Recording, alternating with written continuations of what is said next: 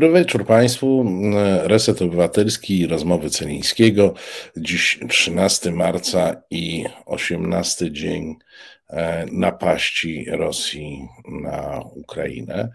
E, my Państwa przed, przy każdym programie mm, prosimy i zachęcamy do wspierania e, Ukrainy w jej walce, e, tak wspierania bezpośrednio armii ukraińskiej wpłatami na specjalnie utworzone na ten cel konta, jak i wspierania e, organizacji, które niosą pomoc zarówno tam w Ukrainie, jak i w Polsce uchodźcom E, którzy tutaj e, dotarli w większości, oczywiście w przemożnej większości e, uchodźczyniom. Na dzisiaj mówi się o milionie 600 tysiącach osób, które znalazły się w Polsce. No i oczywiście, co pewnie będzie się jakoś przewijało w naszych programach, cały czas czekamy na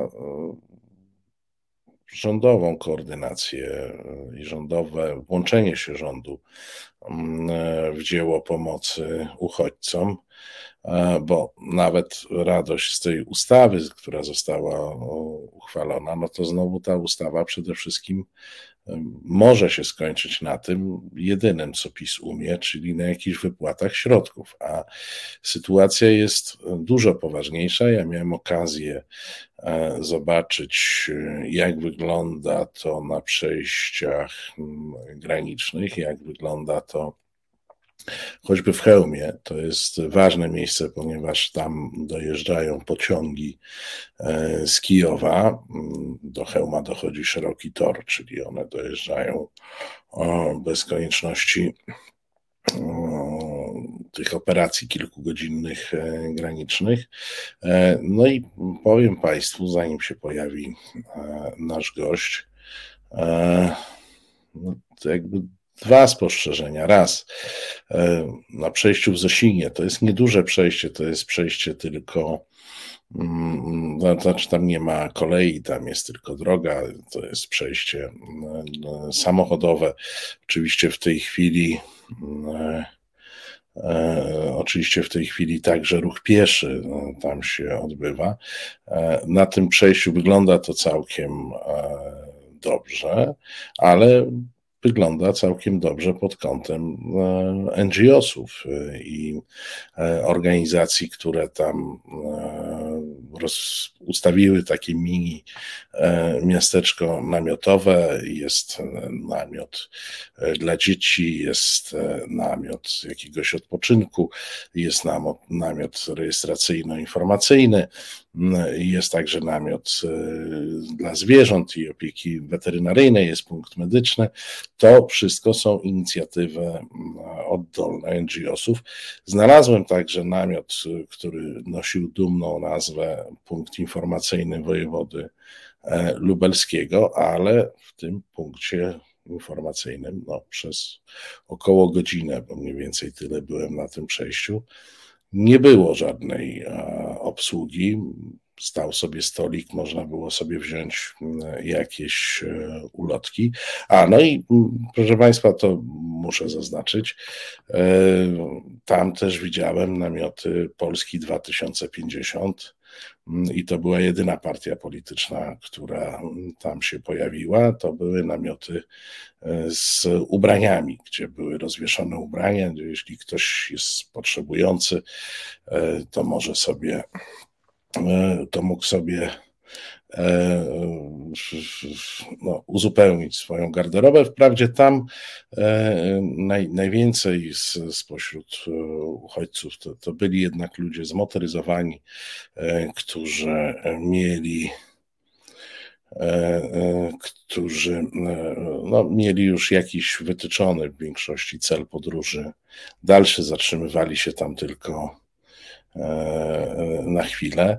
E, widziałem także mm, e, dworzec e, w Chełmie, akurat kiedy przyjechał pociąg, ten kioski. No i tam muszę Państwu powiedzieć, że zaskoczyło mnie, że bo tam jest inna sytuacja. Tam przyjechali ludzie, którzy najczęściej przyjechali z jednym plecakiem, czy tam z plecakiem i e, torbą e, jakąś podróżną. E, no i to mnie e, zaskoczyło, e, że wszystkim tam proponowano dalszą podróż do Warszawy.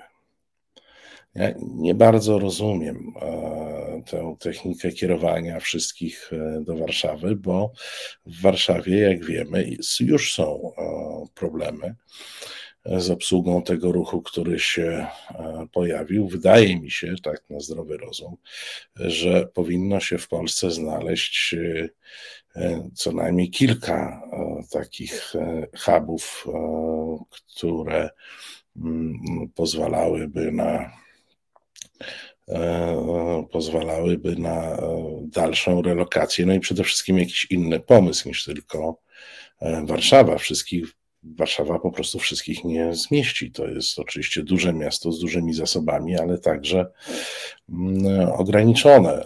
Żeby było śmieszniej, tam jakieś połączenia do Warszawy proponowali przez Sielce z przesiadką, więc to prawdopodobnie dosyć uciążliwa E, e, podróż.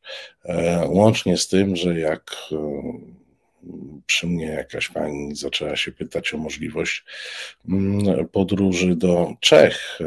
Ja to, to usłyszałem, żeby jechała do Warszawy i tam się wszystkiego dowie. No to jest jakieś, jakieś kompletnie, e, moi drodzy, bez sensu. No, szczególnie, że e, do tych Czech to chyba łatwiej by jej było gdzieś e, z Krakowa czy Wrocławia kontynuować podróż.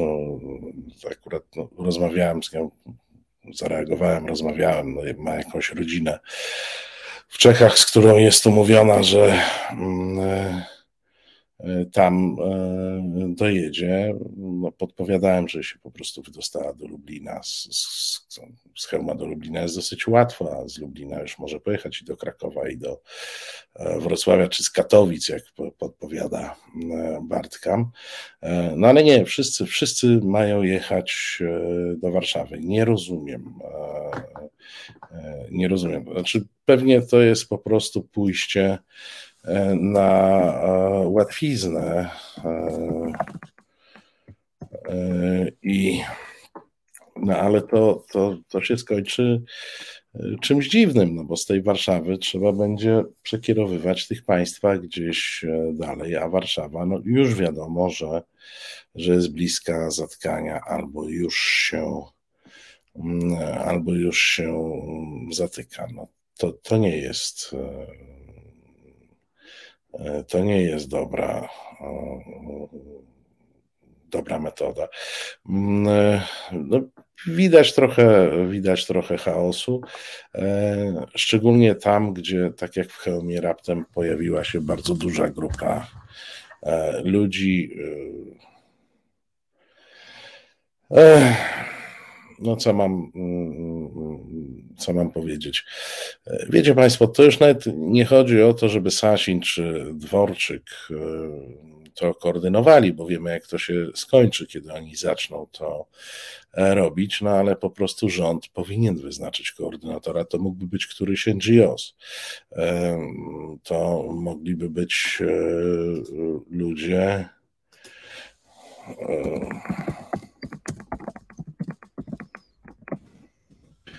przepraszam, e, e, mogliby być to ludzie mm, z NGO-sów, którzy po prostu dostaliby odpowiednie e, pełnomocnictwa i środki do tego, żeby taką działalność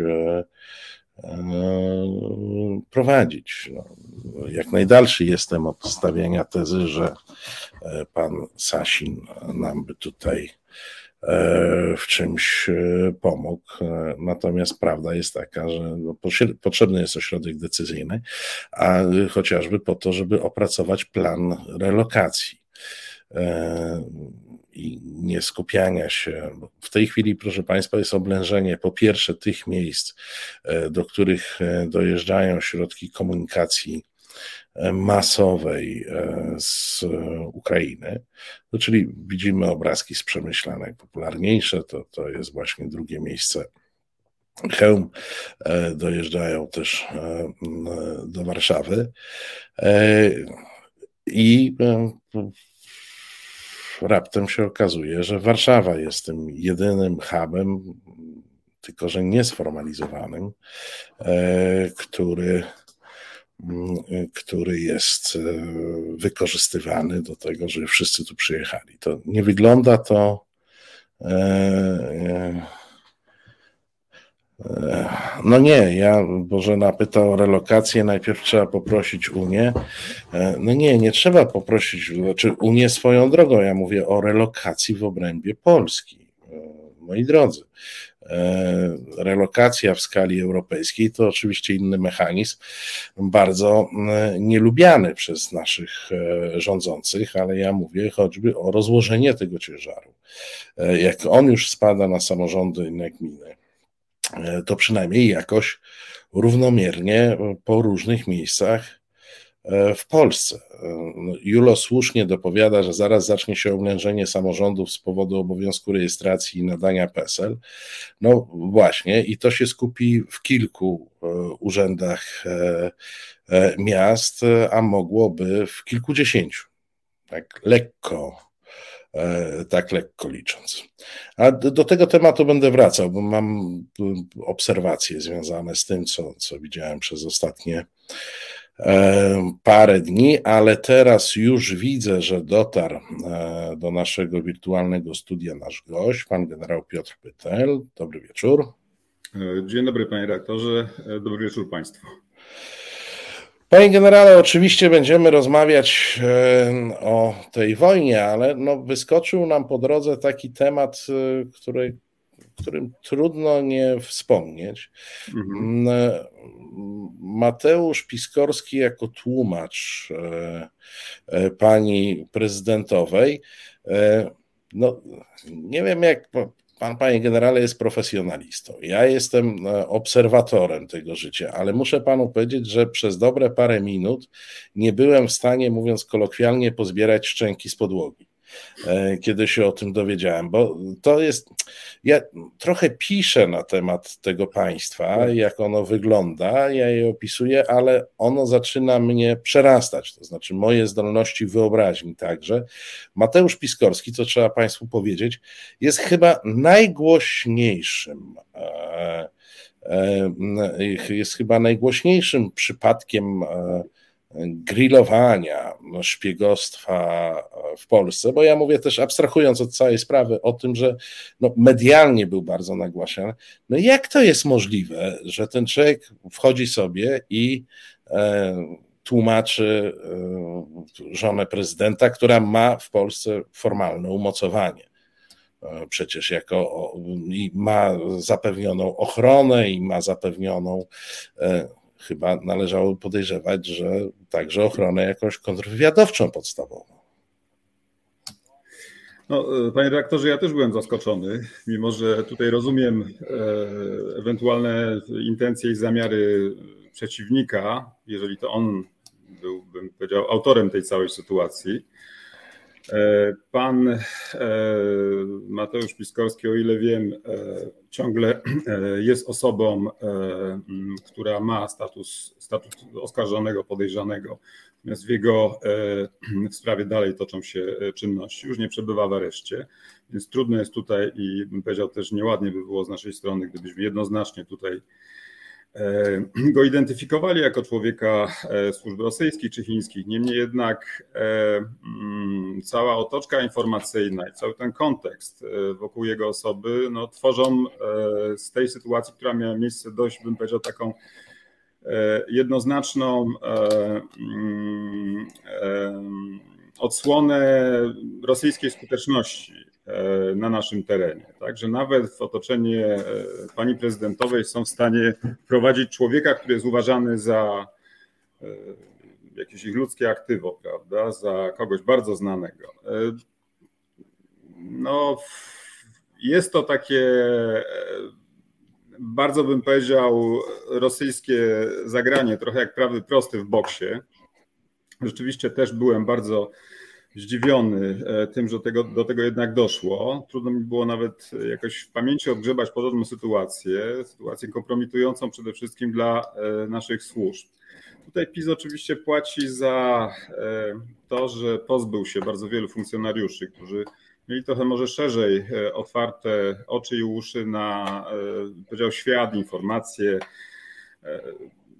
Zresztą tutaj nawet e, taka podstawowa e, orientacja w temacie i to nazwisko, które na pewno było na jakiejś liście, która musiała być sprawdzana, e, nawet jeżeli nie doszłoby do identyfikacji twarzy, no jednak to powinno bardzo szybko zadziałać, uruchomić odpowiednią reakcję.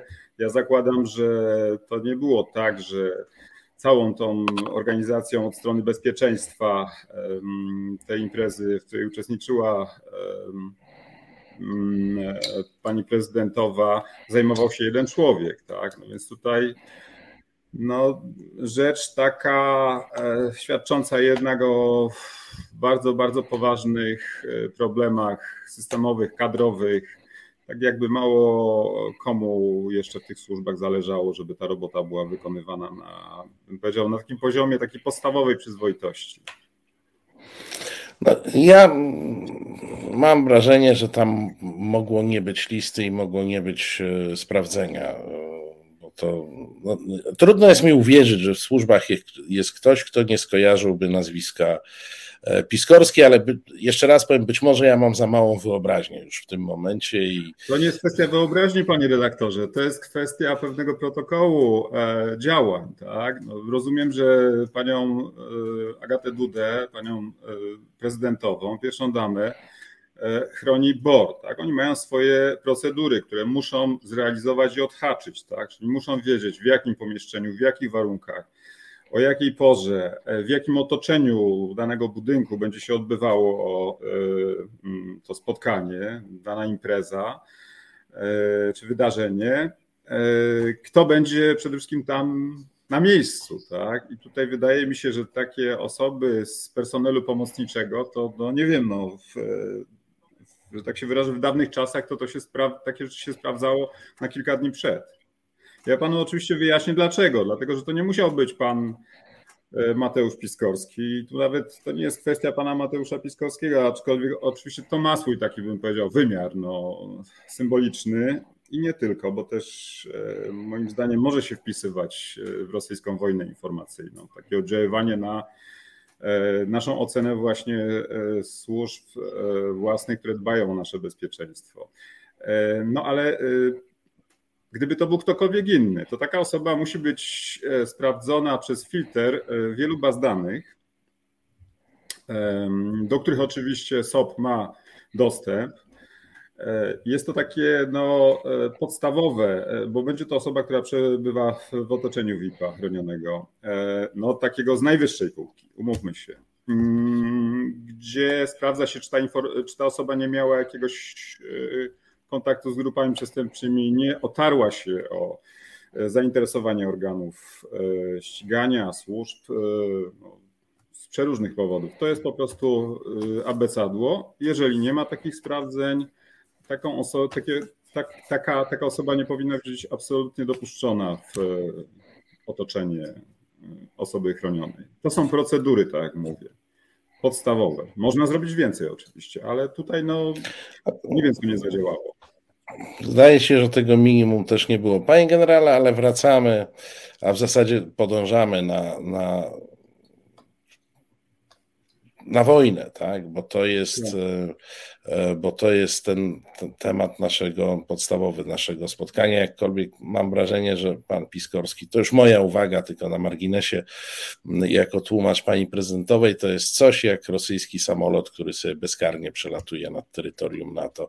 To mniej mhm. więcej taki, taki symbol. A, ale e, wracając do Ukrainy. Ja mam takie wrażenie i widzę też, jak czytam analityków, to, to pocieszam się, że, e, że oni też tego nie zauważyli, że Rosja tę e, wojnę e, zaczęła w sposób, kompromitujący dla siebie. Przede wszystkim kompromitujący swój wywiad, e, a także kompromitujący swój e, aparat propagandowy. Wydawało się do tej pory, wszyscy żyliśmy w takim przeświadczeniu, że Rosja ma e, znaczy wszyscy przynajmniej, opinia publiczna żyła w tym przeświadczeniu, że co jak co, ale aparat propagandowy to Rosja ma bardzo dobry i coraz lepszy dzięki różnym wejściom w nowe technologie. No i o zły wywiad, złe rozpoznanie przeciwnika akurat w strefie postsowieckiej, bo może gdzieś dalej to może być różnie, ale w strefie postsowieckiej to nikt Rosji nie podejrzewał. Natomiast zaczęliśmy, Rosja zaczęła tę wojnę od jakiejś kompletnej kompromitacji. Wygląda na to, że tam e, dane, które otrzymał czy sztab generalny, czy sam Putin, e, dane do podjęcia decyzji o agresji, były zupełnie błędne. E, oni założyli jakiś taki, nie wiem, 24 godziny, 48 godzin przemarszu wśród mm, ludzi rzucającymi kwiaty. Oni założyli, że ta ich armia jest w stanie wykonywać te zadania, a przecież wszystko, czego dowiedzieliśmy w ciągu pierwszych dwóch, trzech dni e, tej wojny, no to był jakiś obraz mm, ludzi, którzy raz nie bardzo są przygotowani do wykonania zadania, mówię tu o wojsku, logistyki, która e, nie działa, e, no i serii błędów, jeśli chodzi o ocenę determinacji i potencjału przeciwnika. Czy wywiad rosyjski przestał istnieć? Co, co tam się mogło stać? No, tam się e, dzieją różne rzeczy, bardzo ciekawe. Mam nadzieję, że do e, pewnych wątków związanych z nowymi zjawiskami, e, czy zjawiskami patologicznymi w tym wywiadzie, w wywiadzie rosyjskim wojskowym, w zarządzie głównym Sztabu Generalnego Sił Zbrojnych Federacji Rosyjskiej, jeszcze wrócimy. Tak, ma Pan zdecydowanie rację. E, ja może tytułem wstępu powiem, że e, wywiad e, mm, wojskowy dzieli taki swój czas działania i metod, też pewnego rodzaju osiąganych celów na takie trzy podstawowe czasy. To jest czas umownego pokoju, czas mm, bezpośrednio poprzedzający konflikt zbrojny, czas zagrożenia. To różnie jest mm, formułowane w dokumentach instrukcyjnych i czas wojny. Takie jakby trzy segmenty. W tych wszystkich e, praktycznie e, etapach, e, na tych wszystkich etapach swojego działania prowadzi aktywne działania z zakresu informacyjnego. Znaczy, realizuje operacje wpływu, w ramach których kształtuje jakby środowisko przyszłego pola walki poprzez wpływanie na postawy e, przeciwnika, e, ale też oczywiście się zajmuje pozyskiwaniem informacji. Informacji także dotyczących e, mm, otoczenia tego przeciwnika. Jakie to są informacje? Więc informacje takie typowo wojskowe, mające znaczenie dla wszystkich faz konfliktu, począwszy od samego jakby zainicjowania tych działań e, wojennych. Ja się spodziewałem, że tutaj będzie dobrze przygotowana e, prowokacja, która e, rzeczywiście wyśle taki sygnał, przynajmniej skuteczny w kierunku rosyjskiego społeczeństwa, że tutaj stroną napastnikiem jest Ukraina. Mm, no i żeby coś takiego przeprowadzić, trzeba te informacje mieć, ale przede wszystkim informacje dotyczące potencjału e, sprzętu i uzbrojenia, wyszkolenia przeciwnika. E, I dla Rosjan e, to jest taka bardzo, bym powiedział, szczególny, szczególny parametr morale. Oni to określają częściej w swoich dokumentach wewnętrznych jako nastroje w wojsku. Jakie są, mm, na ile ten przeciwnik będzie skłonny stawiać opór, bardzo interesują się też wszystkimi organizacjami takimi paramilitarnymi, poza e, strukturami e, e, formalnymi armii, które działają też w sferze czy to bezpieczeństwa, czy to w sferze pewnej takiej hobbystycznej.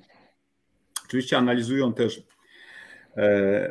nastroje całego zaplecza, czyli społeczeństwa. Czy społeczeństwo będzie wspierało to wojsko swoje, czy będzie uczestniczyło w tym wysiłku i czy część tego społeczeństwa stanie ramię w ramię z żołnierzami w otwartej walce z najeźdźcą.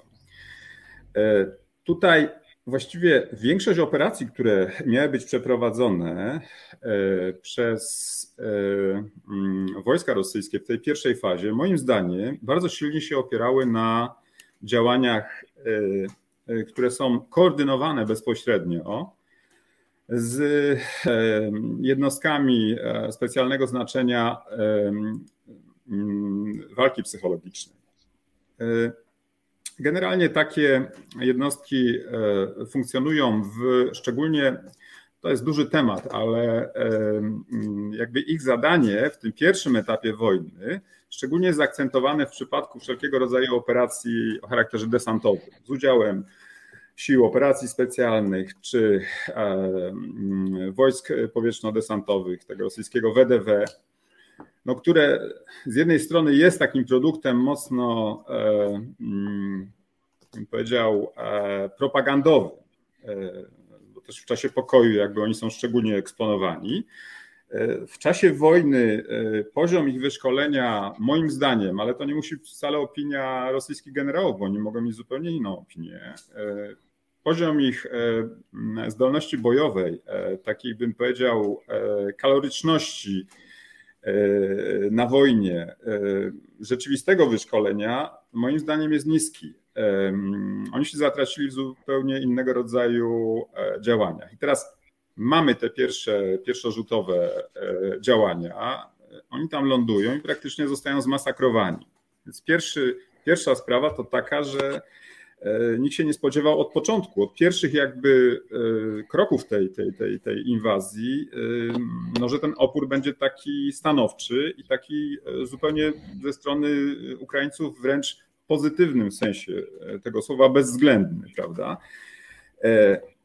Byli przekonani, że zrobią normalną robotę, czyli te wojska desantowe lądują, a oddział operacji psychologicznych który jest jakby dołączony do ich struktury, wychodzi i dość szybko zaczyna oddziaływać na e, społeczność lokalną, na e, potencjalnych obrońców, bo zakładają, że raczej tutaj nie będzie jakiejś takiej od razu kontry, odpowiedzi ogniem i tak dalej. Nawet ma przygotowane materiały prawda, do tego. Oczywiście oni idą w kierunku wybranych osób, wytypowanych, e, część z nich jest umówiona i tworzą pewnego rodzaju taką, powiedział, dodatkową otoczkę. Oprócz tego przerażenia atakiem, gdzie widzą, że te wojska operują daleko za linią frontu, tak, że to wszystko ma już taki e, wymiar ogólnej inwazji, e, jakby otwierają wyjście dla e, no, takiego zwykłego, może nie tchórzostwa, ale, ale reiterady, tak, że jest inny sposób, żeby to wszystko przetrwać. Tak na poziomie tak zwanej walki psychologicznej, już jakby w boju one funkcjonują. Co się stało? E, stały się e, dwie rzeczy, e, za które są odpowiedzialne zarówno wywiad wojskowy rosyjski, ale też Federalna Służba Bezpieczeństwa, szczególnie kontrwywiad wojskowy, Departament Kontrwywiadu Wojskowego tej, służby, no, polegające na wprowadzeniu w błąd e, decydentów, e, wyższych przełożonych co do stanu morale przeciwnika, co do mm, jakby gotowości oporu i co do takiego rozpoznania nieogólnego, bo to nie chodzi o to, że oni w raportach piszą, nie, Ukraińcy będą nas witać z kwiatami. Tam nikt na takie kwiaty Myślę, że nie liczył. Jeżeli tak, to raczej w, nie teraz, tylko powiedzmy za dwa tygodnie, jak już by telewizja przyjechała i zaczęliby kręcić swoją propagandówkę. E, rozpoznanie się toczyło na poziomie aż do e, takich najmniejszych składowych e, sił zbrojnych Ukrainy. Było bardzo specyficzne. W rejonie przygranicznym prowadziła rozpoznanie tych możliwości sprzętu, E, woli walki e, także Federalna Służba Bezpieczeństwa poprzez e, swój departament pograniczny.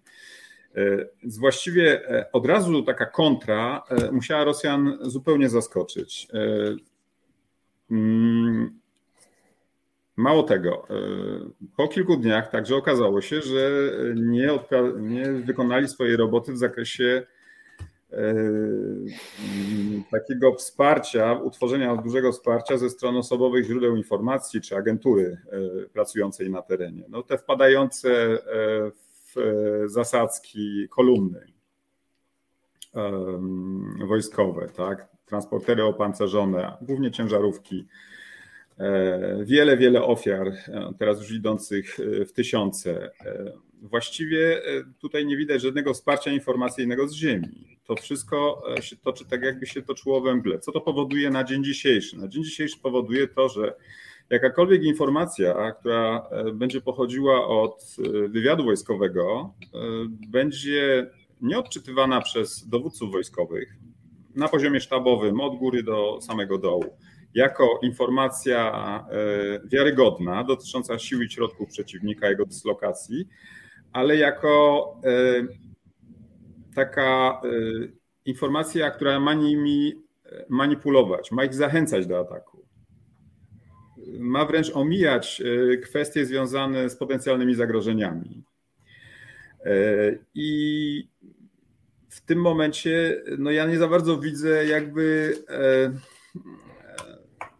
od strony Rosjan nie widziałbym za bardzo w tym momencie sensu i, i, i, i możliwości prowadzenia tych działań, ponieważ przy, na poziomie właściwie każdego dowództwa, dowództwa sztabowego zastępcą szefa sztabu jest e, szef wywiadu. Tak? No on wiadomo, że E, jest takim e, miejscem koncentracji mm, istotnych dla mm, dowódców polowych, czy też na szczeblu nawet taktycznym, już nie mówiąc o strategicznym, decydentów tego, co robimy, gdzie idziemy, kiedy uderzamy, jakimi siłami, środkami i, i tak dalej, ponieważ no, takie działanie opiera się zawsze na tych właśnie informacjach. Więc tutaj wywiad pokazał e, jakby e, całkowitą swoją ułomność.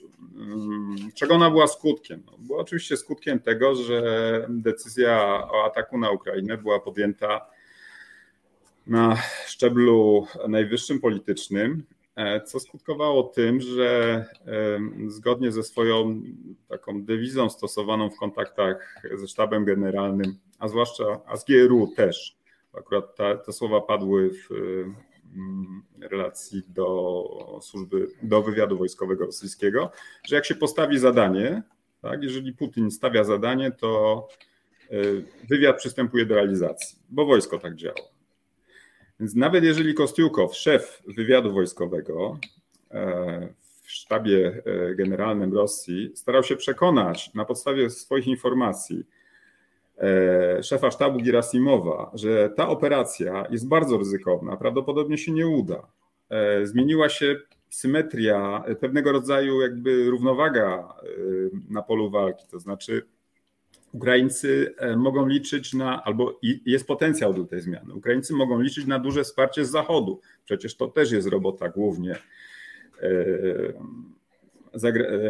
oficerów wywiadu operujących za granicą. E, żeby takie informacje zdobyć, żeby e, ocenić nastroje polityczne e, władz poszczególnych państw. Nawet jeżeli Kostiukow przestrzegał Gerasymowa przed tym, że to jest coś, na czym mogą sobie zęby połamać, że zupełnie inaczej w tym momencie wygląda postawa społeczeństwa ukraińskiego, jakby takie no, nastroje w armii, że są wojownicze, to mm, myślę, że Gerasimow mu powiedział, nie przynoś mi takich raportów, przynoś mi takie, które, e, o, które, o które cię proszę. E, a twoim zadaniem jest to, żeby poprzez różnego rodzaju wpływy wywiadu e, wytworzyć taką, a nie inną sytuację. Ja domyślam się, sytuację w sensie właśnie no, prowadzonych przecież na pewno na tym terenie, na terenie ukraińskim, E, operacji GRU, e, których zadaniem jest e, stałe wpływanie na postawy całego społeczeństwa ukraińskiego, ale i decydentów. Rosjanie to robili. Takie operacje są realizowane, mm, mają wielowątkowy charakter.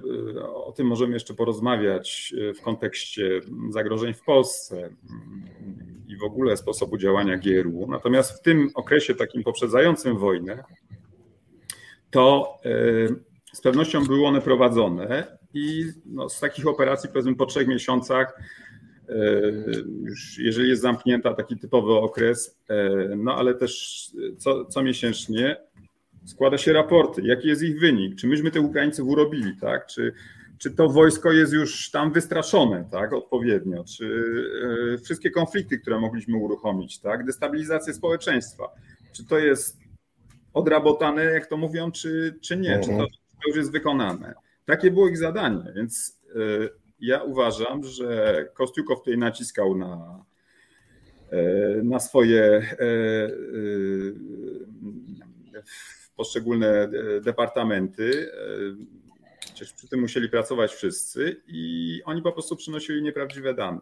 Podobnie jak Federalna Służba Bezpieczeństwa, której z kolei e, zadaniem, e, zadaniem Departamentu Wywiadu Wojskowego jest to, żeby wiedzieć, że jeżeli wojsko będzie działać w warunkach ukraińskich roztopów, a termin e, moim zdaniem tej operacji się prze, jakby mm, przesunął trochę z pewnych, z pewnych względów, to czy armia E, czy poszczególne pododdziały, które e, będą realizowały e, zadania w tej pierwszej fazie wojny, będą się w stanie poruszać. Tak? Bo... No tak, bo tam wyraźnie widzimy, że Rosjanie muszą się poruszać drogami utwardzonymi, ponieważ mhm. roztopy powodują, że ciężki sprzęt po prostu gdzieś tam im grzęźnie, nie daje rady. Czyli, czyli można ich tropić po, po drogach odpowiedniej kategorii, mówiąc tak. naszym językiem, po drogach krajowych, a poniżej tak. to już jest kłopot. Tak. E, czy e, dysponują odpowiednim sprzętem, też przeszkoleniem? Czy te wszystkie linie zaopatrywania e, będą dobrze działać? No i tutaj wystąpiła ta sama, ta sama sytuacja, prawda? To znaczy, pewnie Bortnikow, szef FSB, też nie widział mm, możliwości raportowania o problemach, ponieważ wszystko miało być gotowe. E, jak długo e, skrywali to w tajemnicy? FSB mogło być niedoinformowane co do zamiarów i jakby wielkości tego całego planu e, inwazji na Ukrainę, to jakby inna sprawa. Natomiast to, że Rosjanie sobie nie radzą od tej strony logistycznej, od strony także wyszkolenia, od strony e, e, od morale, jakby od początku, e, tam są coraz poważniejsze z tym problemy, to FSB powinno wiedzieć, rok temu powinno wiedzieć dwa lata temu. Dlaczego? Dlatego, że przede wszystkim mm, Departament Kontrwywiadu Wojskowego sprawdza to wszystko w trakcie pracy na jednostkach ale też jeżeli chodzi o wyszkolenie, o zdolność radzenia sobie w takich warunkach poszczególnych jednostek na poziomie ćwiczeń. E, tych ćwiczeń w Rosji jest e, ilość e, nieprawdopodobna, gigantyczna. Wojsko praktycznie cały czas ćwiczy. Tych ćwiczeń jest tyle, że no czas chyba trochę inaczej spojrzeć na te ćwiczenia. To znaczy,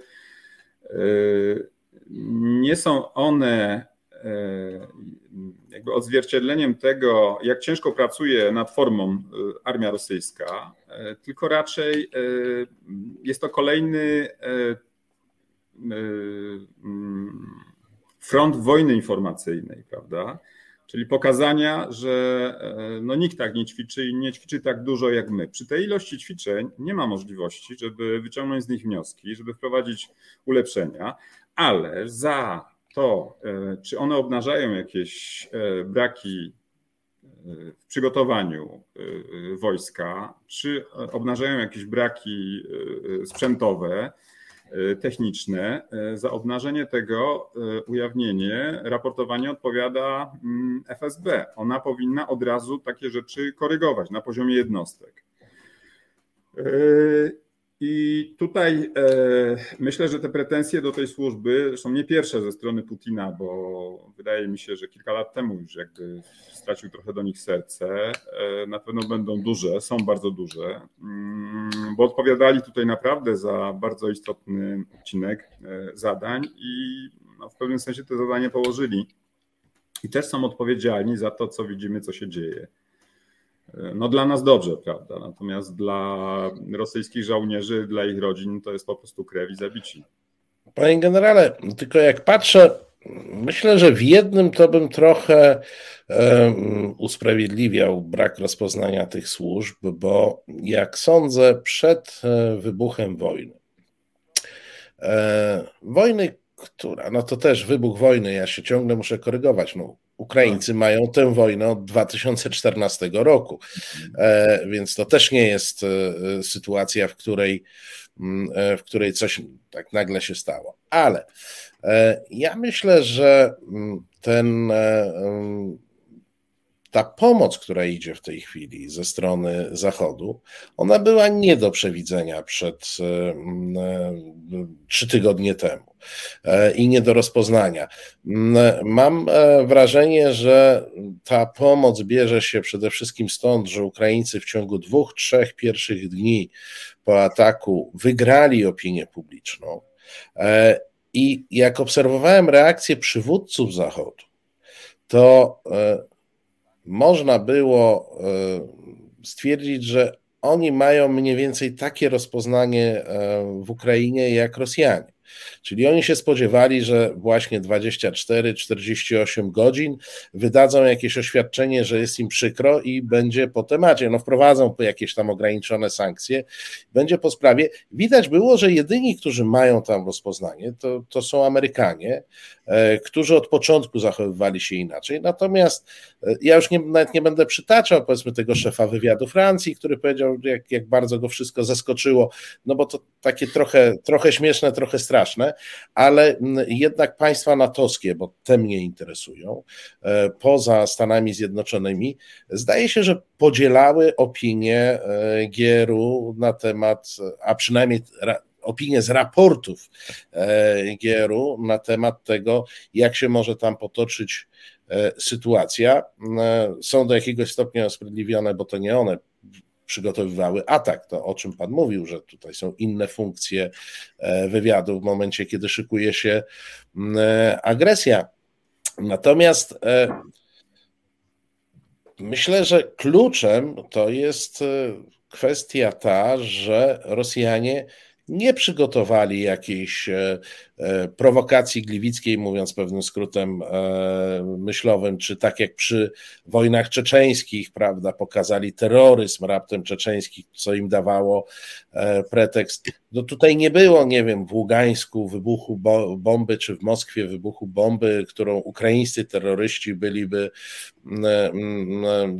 którą ukraińscy terroryści by sprowokowali Rosję tak naprawdę nie poszedł żaden komunikat, już abstrahuję od tego rynku wewnętrznego, ale do nas, do świata, nie poszedł żaden komunikat w zasadzie, dlaczego Putin idzie na ten Kijów. No tak, rzeczywiście e, Ukraińcy zdobyli nasze serca swoją walecznością już w ciągu pierwszych dni. E, myślę, że tak, zaskoczenie było, no ale nie wiem. Ja szczerze mówiąc, y, y, bardzo się cieszyłem z tej postawy, natomiast y, nie była ona dla mnie szczególnie dziwna. I bardzo się cieszę, że, że to poszło w tym kierunku, że okazało się, że są dobrze przygotowani do tej wojny, że mają zapas sił, że mentalnie przede wszystkim są nastawieni, ale też organizacyjnie i pod każdym innym względem do skutecznego oporu, skutecznej walki, kontratakowania, przejmowania inicjatywy. E, takie rzeczy e, wywiad rosyjski powinien wiedzieć, e, dlatego że mm, operuje, na, mm, operuje pewnymi metodami, które jakby uniemożliwiają mu popełnienie błędów, mm, ponieważ no to nie jest tak, że Raporty, notatki, oceny sytuacji pisze się na zasadzie takiej literackiej, to znaczy ktoś tam wyjeżdża, prawda, przygląda się tym Ukraińcom, porozmawia z tym i owy. To jest praca e, ogromnego aparatu, bardzo licznego ludzi, którzy według pewnych e, takich dość, e, znaczy nie dość, tylko pewnych schematów poznawczych wypełniają w rubrykach wręcz, nawet jeżeli się jakby nie zajmują stricte tym kierunkiem, nawet jeżeli pracują za granicą, wypełniają e, pewne charakterystyki które tworzą ten taki obraz całościowy.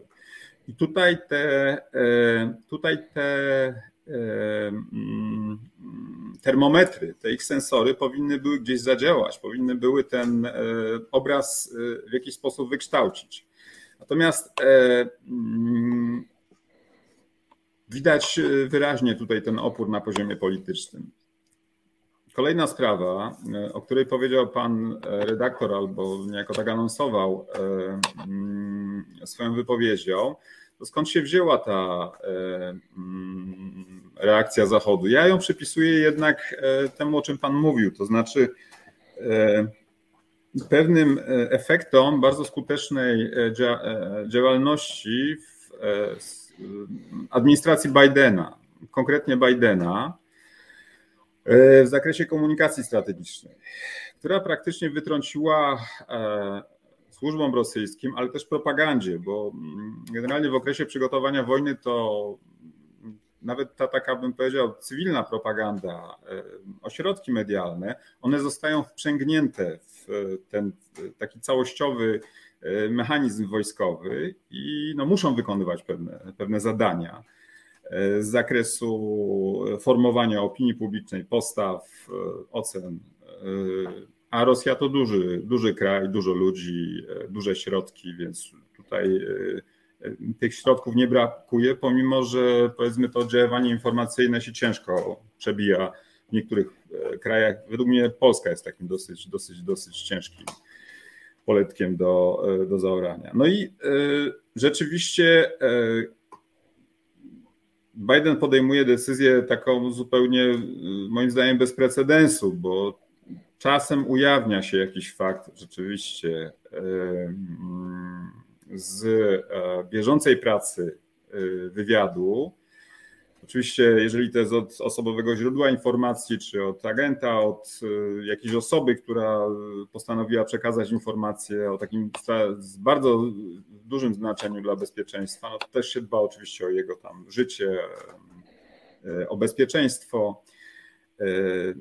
Nie ujawnia się pewnych rzeczy, ponieważ, ponieważ to demaskuje. Bezpieczeństwo źródła informacji, tak. Ale ale też możliwości. To nawet mogą być możliwości techniczne, tak? Z zakresu e, tego, co przechwytujemy, co wywiad pozyskuje e, w przestrzeni radiowej, e, bądź na różnego rodzaju łączach informacyjnych, nowoczesnych, internetowych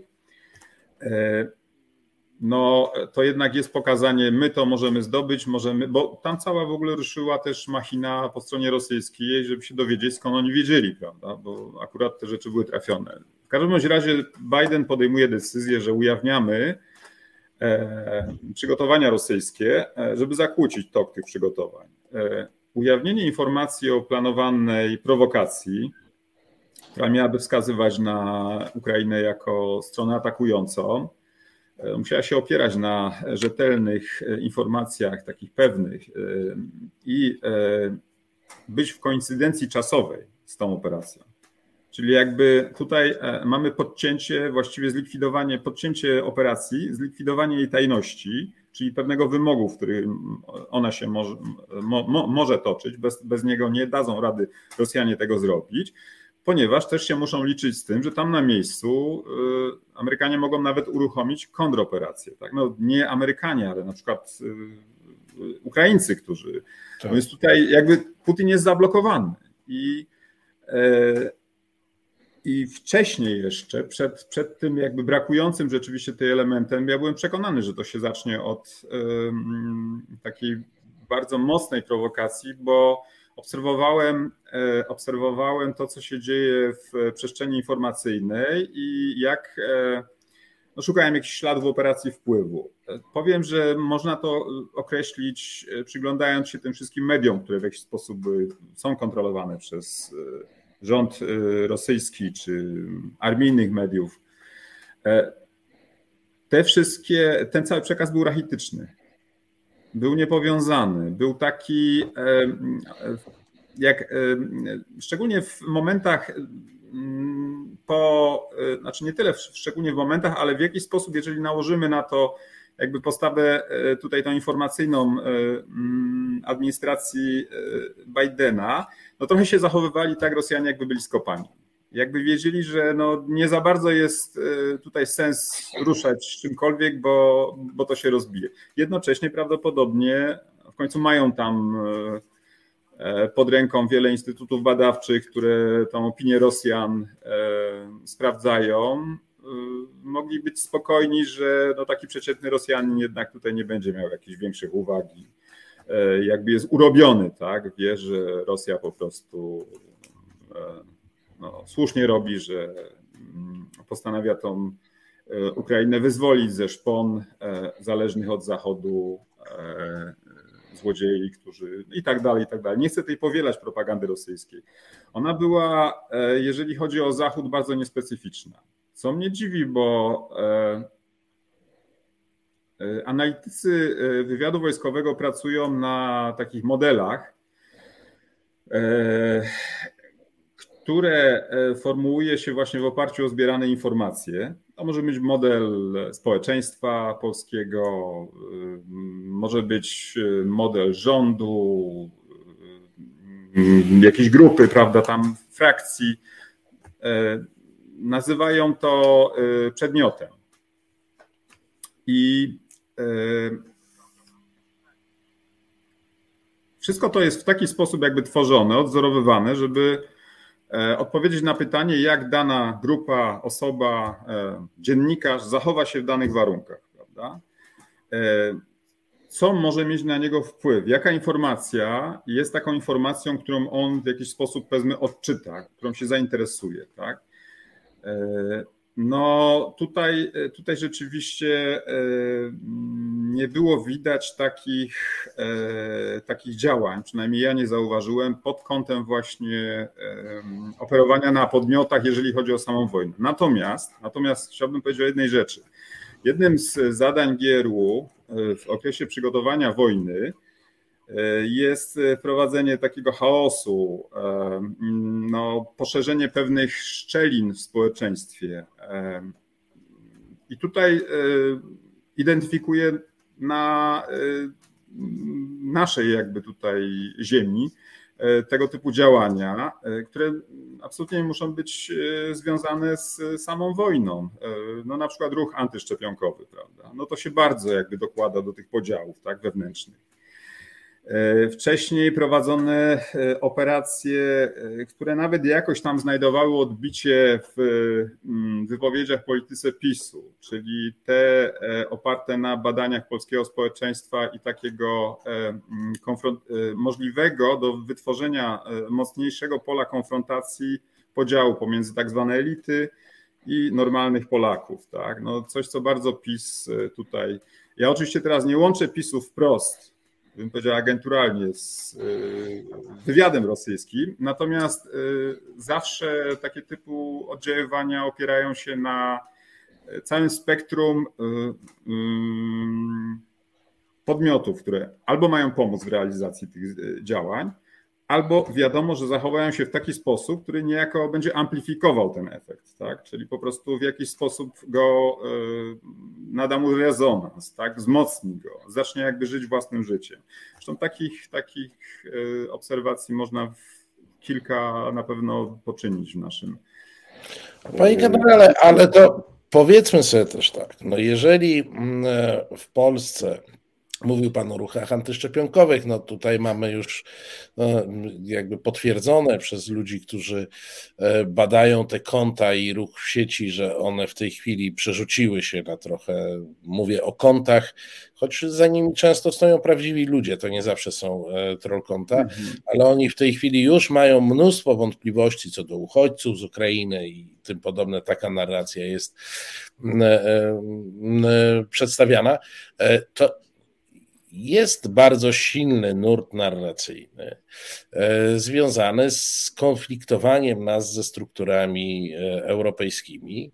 Mm, I to jest coś, no, za co znowu mówiąc pewnym skrótem myślowym, gdybym był na Kremlu, to dałbym każde pieniądze, żeby tu w różnych krajach Unii Europejskiej pompować tego typu nastroje, podgrzewać te emocje. No i refleksja jest taka, że pewnie takimi, taką narracją powinien się zająć polski kontrwywiad, polskie służby, no ale jak mają się zająć, skoro trzy czwarte tej narracji idzie z kręgów rządowych? To trochę mnie pan sam sprowokował tymi. Ja, ja wiem, że tu są wpływy pośrednie e, i, i tym podobne, że to nie działa w ten sposób. Zresztą my tu próbujemy e, od lat tłumaczyć, że to nie działa w ten sposób, że ktoś podpisuje akt notarialny, że będzie działał na rzecz innego państwa. To jest bardziej e, skomplikowane, ale mamy potężny problem wewnątrz Polski e, z antyunijną propagandą, mhm. od której jest tylko krok do antynatowskiej e, propagandy, bo to jest wbrew pozorom bardzo blisko.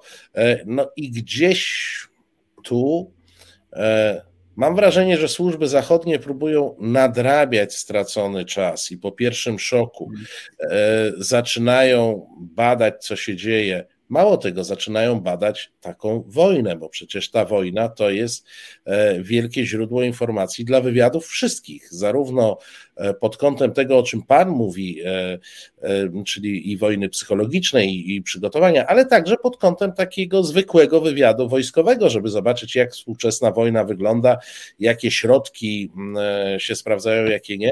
No i dostajemy od jakiegoś czasu raporty tych wywiadów, nie tylko amerykańskiego, bo Amerykanie faktycznie od miesięcy różne rzeczy ujawniali. W tej chwili e, w zasadzie każdy raport, każdy wywiad europejski chce coś powiedzieć na temat tej wojny.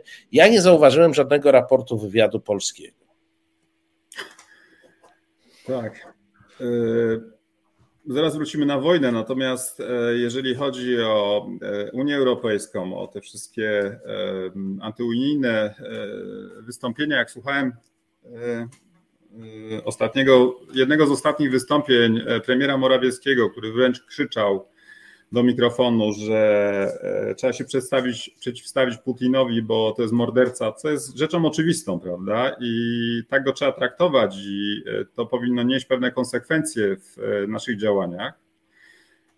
To no, ja miałem wrażenie, że on chce tak jakby, przepraszam za to słowo, ale jednak odszczekać pewne wcześniejsze decyzje rządu, pewne posunięcia, które się wpisywały w doskonale w taką, bym powiedział, e, próbę e, jednak e, pewnego rodzaju ochrony obecności Władimira Władimirowicza na scenie europejskiej. No, to spotkanie z tymi proputinowskimi szefami rządów, czy. czy Dodajmy przed chwilą, tuż, tuż przed wybuchem tak, wojny. Tak, to ja bardzo przepraszam, cokolwiek by teraz ten rząd nie powiedział, e, nie zmarzę tak łatwo naszej pamięci o tym, co robił wcześniej i e, w jaki sposób, e, mm, no jakie zasługi, jakie zasługi przyniósł, jakby wniósł w interesy Rosji. Unia Europejska jest postrzegana przez wywiad wojskowy mm, Rosji jako zaplecze dla NATO. I tutaj e, bardzo istotnym elementem e, e, szukania pewnych możliwości w zakresie naruszenia tego, tego zaplecza i jego funkcjonalności w tym, w tym, w tym takim tworze ich, w tym konstrukcie, jest wzmacnianie wszelkiego rodzaju w Europie podziałów pomiędzy państwami, rozbijanie spójności, Wiadomo, że robią to, e, prowadzą te działania na odcinku natowskim, ale też e, e, bardzo intensywnie pracują na odcinku europejskim. No tutaj naturalne, wykorzystują dla nich naturalne albo w ich percepcji historycznej naturalne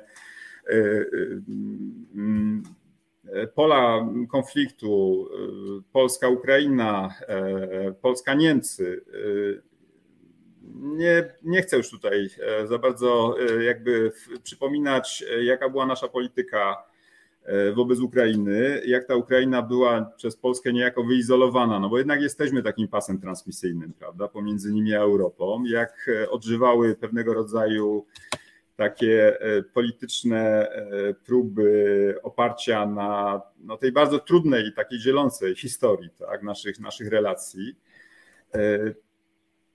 Jeżeli chodzi o, jeżeli chodzi o to, czy obce wywiady, czy wywiady są, są w jakiś sposób, albo inaczej, czy wywiady sojusznicze tutaj zbierają plon w postaci rzeczywistej takiej, powiedział, oceny w warunkach naturalnych, w warunkach wojennych, zdolności wojsk rosyjskich do operowania, ich e, e, słabych punktów.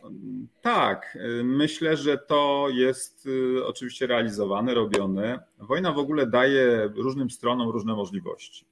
Daje na przykład kapitalne możliwości do przeprowadzenia zamachu stanu w Rosji.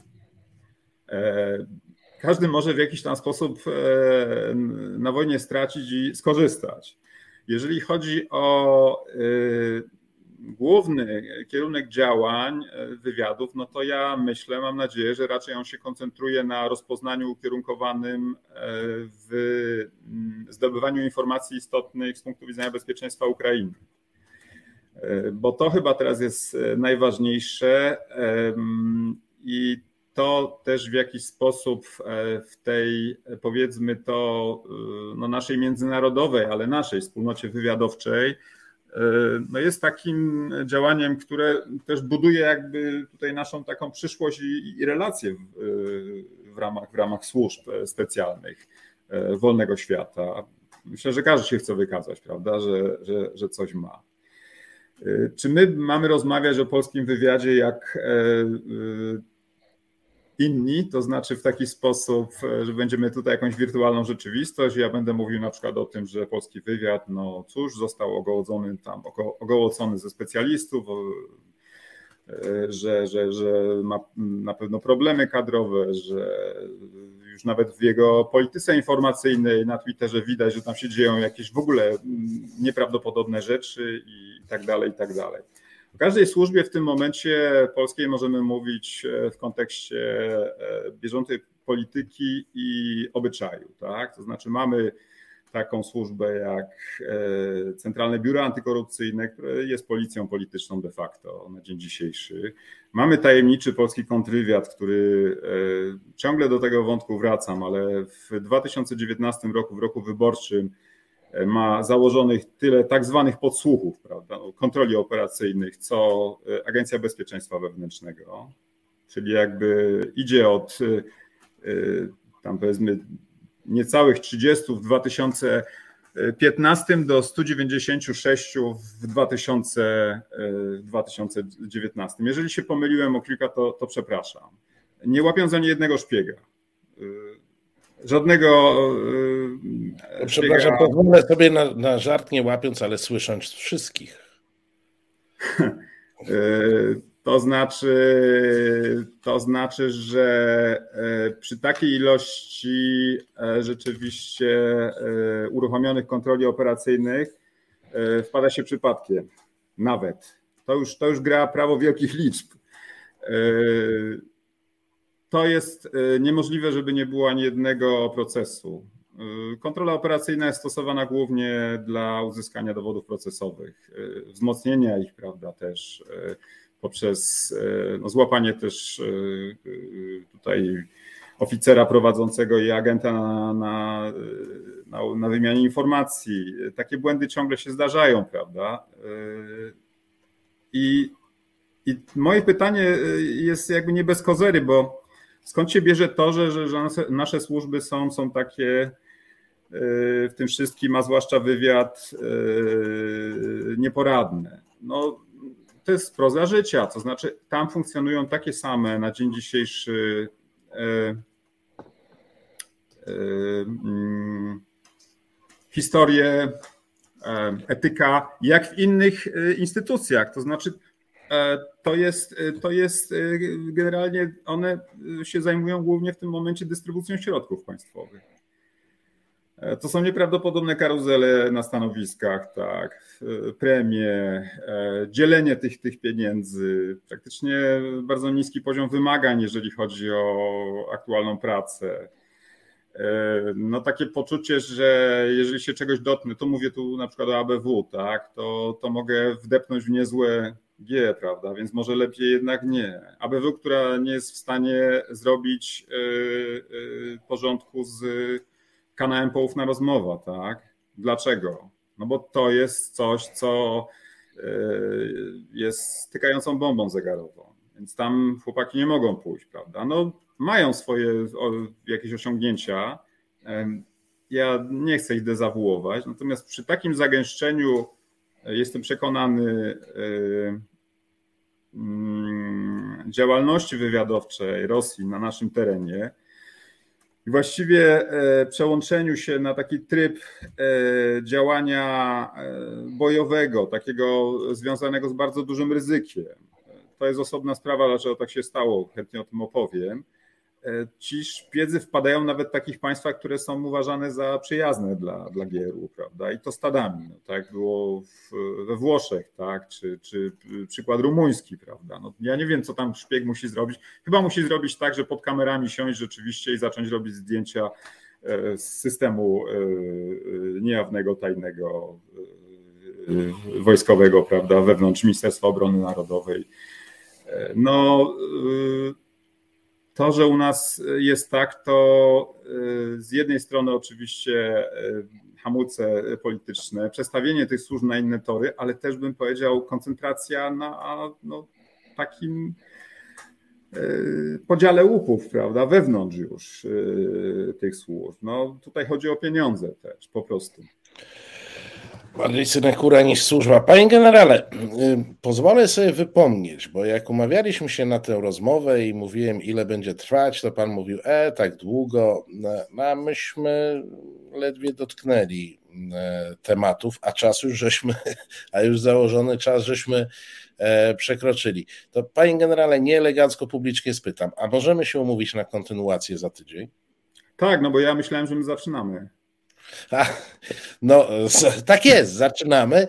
Proszę Państwa, zatem, no, po, ponieważ kolejne punkty i kolejni goście czekają, to ja muszę w tej chwili przerwać to nasze spotkanie, ale dzięki deklaracji pana generała to, to nie jest zakończenie, tylko przerwanie i za, za tydzień, proszę Państwa, w rozmowach Cylińskiego pan generał będzie, bo myśmy się, powiem Państwu, no bo to nie jest wielka tajemnica, myśmy się umówili na jeszcze parę zagadnień, do których nawet żeśmy nawet żeśmy nie doszli. Panie generale, bardzo dziękuję za dzisiaj i jesteśmy umówieni za tydzień. Bardzo dziękuję, dziękuję Państwu za uwagę. Przepraszam, że przyjrzałem.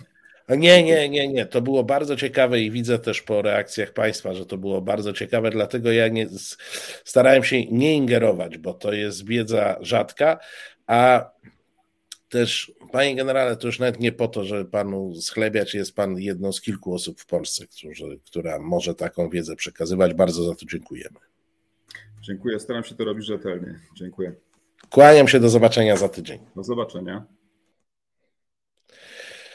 Proszę Państwa, no czas, e, e, czas niestety gonił, bo ja zupełnie, e, zupełnie nie miałem ochoty tej rozmowy przerywać i w jakiś sposób i w jakiś sposób kończyć, ale mamy kolejnych gości, mamy plany. Zaczniemy, proszę Państwa, od krótkiego przypomnienia o co chodzi z programu bez wyjścia czwartkowego, kiedy rozmawialiśmy z, z profesorem e, Zbigniewem Lasocikiem zajmującym się zajmującym się kwestiami handlu ludźmi i, i nadużyć przestępczością z tym e, związanym. E, Filip, puść proszę materiał. Ulotki, które Pan przygotował, e, trafiły, były chyba w, w jakiej ilości? Bo 20 tysięcy. I czy to, to jest ciągle jakby kropla w morzu? Przypominam, że pół. Mamy... Pokażmy tą dalszą część ulotki, bo to jest, e, bo to jest pierwsza. E, to jest ten piękny plakat, który jest takim, takim sygnałem polskie kobiety wspierające ukraińskie kobiety. No, e, to, to jest bardzo symboliczny plakat chcielibyśmy, żeby to tak było rozumiane właśnie, że to polskie kobiety też troszczą się o kobiety ukraińskie. No właśnie, to jest ta część ulotki, która jest częścią informacyjną. Ta pierwsza na górze to jest ulotka, to jest treść po ukraińsku, potem jest po rosyjsku i na końcu po angielsku, dlatego że sporo jest też kobiet, które uciekają z Ukrainy i nie są, e, są obywatelkami innych krajów i nie są ani ukraińsko, ani rosyjskojęzyczne, więc e, do nich też była skierowana ta ulotka. Ja, ja Państwu dopowiem, ta, ta treść tej ulotki jest mniej więcej taka, bo to mogą Państwo nie doczytać, to jest jednak pomniejszenie, że oczywiście witamy e, i informujemy o tym, że e, przestępczość także w Polsce istnieje i że należy uważać na przestępców i e, należy być, no, zwracać uwagę na e, sytuacje nietypowe, na sytuacje nietypowej pomocy i są podane kontakty, numer alarmowy i kontakt do e, fundacji, panie profesorze. Lastrada. Do Lastrada, do fundacji Lastrada. Chodzi, proszę Państwa, w, tej, w tym działaniu o, o to, żeby E, podać e, uchodźczyniom podstawowe informacje, informacje e, związane z tym, jak mają zareagować w momencie, w którym się zorientują, a przede wszystkim, żeby zwróciły uwagę na to, że no nie zawsze i nie wszyscy, zresztą to już nam się trochę pojawia także z innych działek. No dzisiaj wstrząsająca informacja o tym, jak potraktował E, ktoś, kto przyjął do swojego domu Ukrainkę, e, nie wiem, we Wrocławiu bodaj, nie, nie chcę obrazić miasta, ale wydaje mi się, że takie doniesienie e, było. Ja znam już opowieści i o taksówkarzach, którzy potrafią sobie zażyczyć 300 euro za przejazd z dworca zachodniego na wschodni. No, no niestety nie będę używał mocniejszych słów, no ale ludzi złych nie brakuje. Na, ludzi, którzy chcą żerować mhm. na tej, e, na tej tragedii w różny sposób. Tu mówimy akurat o e, procederze zniewalania e, ludzi pod różnymi, pod różnymi pretekstami i czynienia z nich czy siły roboczej, czy E, e, czy przymusowych prac, pracownic seksualnych. Pańska inicjatywa, żeby stworzyć taką ulotkę i kolportować e, wśród tak. uchodźczyń. Proszę powiedzieć, ile tej ulotki powstało? Na razie powstało 30 tysięcy, 20 tysięcy jest już rozdane, 10 czeka u nas w biurze. Akurat teraz byliśmy chwilę zajęci innymi rzeczami i nie mogliśmy pojechać, ale y, zaraz jedziemy. Prawdopodobnie te 10 tysięcy rozkolportujemy tu w Warszawie, ale tam jest takie zdanie. Mianowicie, y, oczywiście witamy Was i y, jesteśmy, żeby Wam pomóc, ale uważajcie. I to jest ta bardzo ważne, to jest to bardzo ważne przesłanie, mianowicie Proszę Państwa, jest z nami pan Rafał Kubiak, szef i właściciel e, drukarni mm, CGS, jeśli dobrze pamiętam. Dobry wieczór. Filip już wpuść. Nie, nie pomyliłem się. Witam, witam, witam. CGS, e... spod Poznania, z Mrowina. Tak jest. E, proszę Państwa, historia jest taka, którą chciałem Państwu zrelacjonować, bo zaczęliśmy sprawę w czwartek. Rozmawialiśmy z panem profesorem Lasocikiem, który mówił o tym, że na granicy pojawiły się już grupy przestępcze, pojawili się sutenerzy z Niemiec.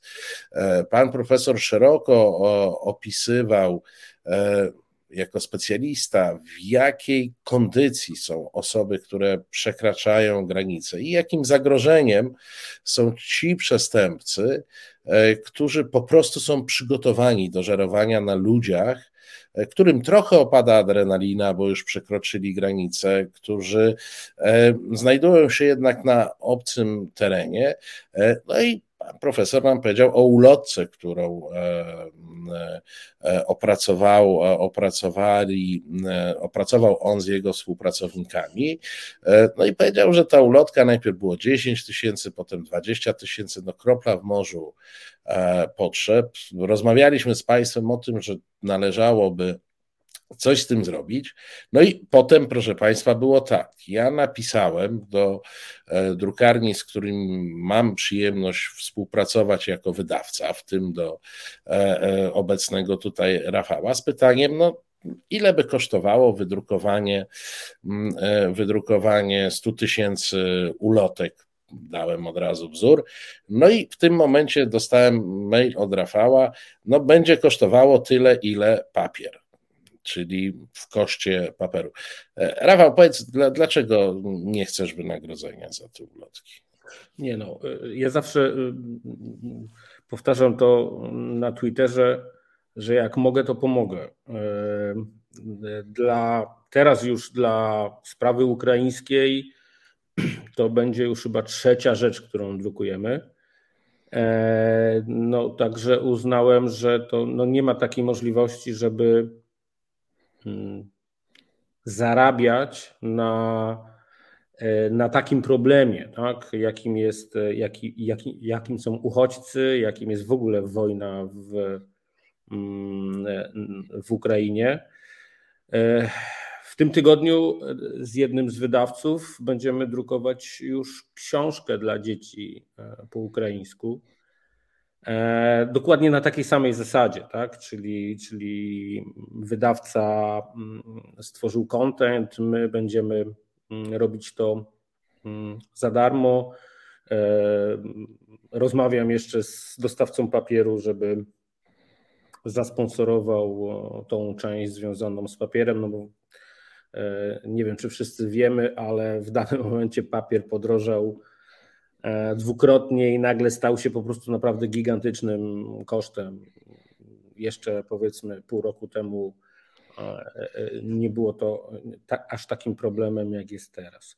No, nie widziałbym możliwości, ażeby mm, wziąć pieniądze, zwłaszcza gdy mówimy o takim problemie, mm, jakim jest handel ludźmi. Tak? No to, to, już w ogóle, to już w ogóle nie wchodzi w rachubę. Tak? Także E, także w tym przypadku, mm, no moja, ja na początku, jak dostałem od ciebie maila, to ja na początku w ogóle myślałem, że to jest jakiś komercyjny produkt, ale jak zobaczyłem PDF-a załączonego i go przeczytałem, no to mówię, no nie, no to, to w, ogóle, w ogóle bez Twojej zgody od razu uruchomiłem cały proces e, produkcji bo wyszedłem z założenia, że no, no, no, to trzeba po prostu na, jak, czym szybciej wydrukować, bo czym szybciej to trafi na granicę, czym szybciej trafi to do rąk tych, e, tych ludzi, którzy, którzy mogą być dotknięci tym problemem, no to tym po prostu lepiej. Tak?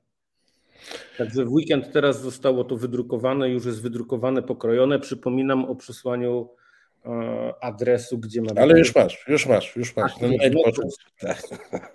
Ten mail poszedł dzisiaj. E, proszę Państwa, ja zaprosiłem Rafała przede wszystkim po to, żeby mu e, podziękować. My w tej chwili, o czym cały czas mówimy, funkcjonujemy w tej pomocy Ukrainie przede wszystkim w inicjatywach obywatelskich i dzięki takim ludziom jak Rafał takie inicjatywy mogą istnieć i mogą istnieć na szeroką, na szeroką skalę. E, ten konkretny problem załatwiamy w ten sposób, że Rafał drukuje gratis być może znane Wam wydawnictwo Arbitror pokryje koszt y, papieru i y, dalszej y, dystrybucji, a tak jak umówiliśmy się z profesorem Lasocikiem, te ulotki trafią bezpośrednio do kilku punktów, do kilku hubów uchodźczych po ukraińskiej stronie granicy, bo to chodzi o to, żeby jak najwcześniej przesłać to ostrzeżenie, żeby te osoby, które będą tuż po przekroczeniu, bo to jest punkt krytyczny, profesor Lasyczyk to tłumaczył.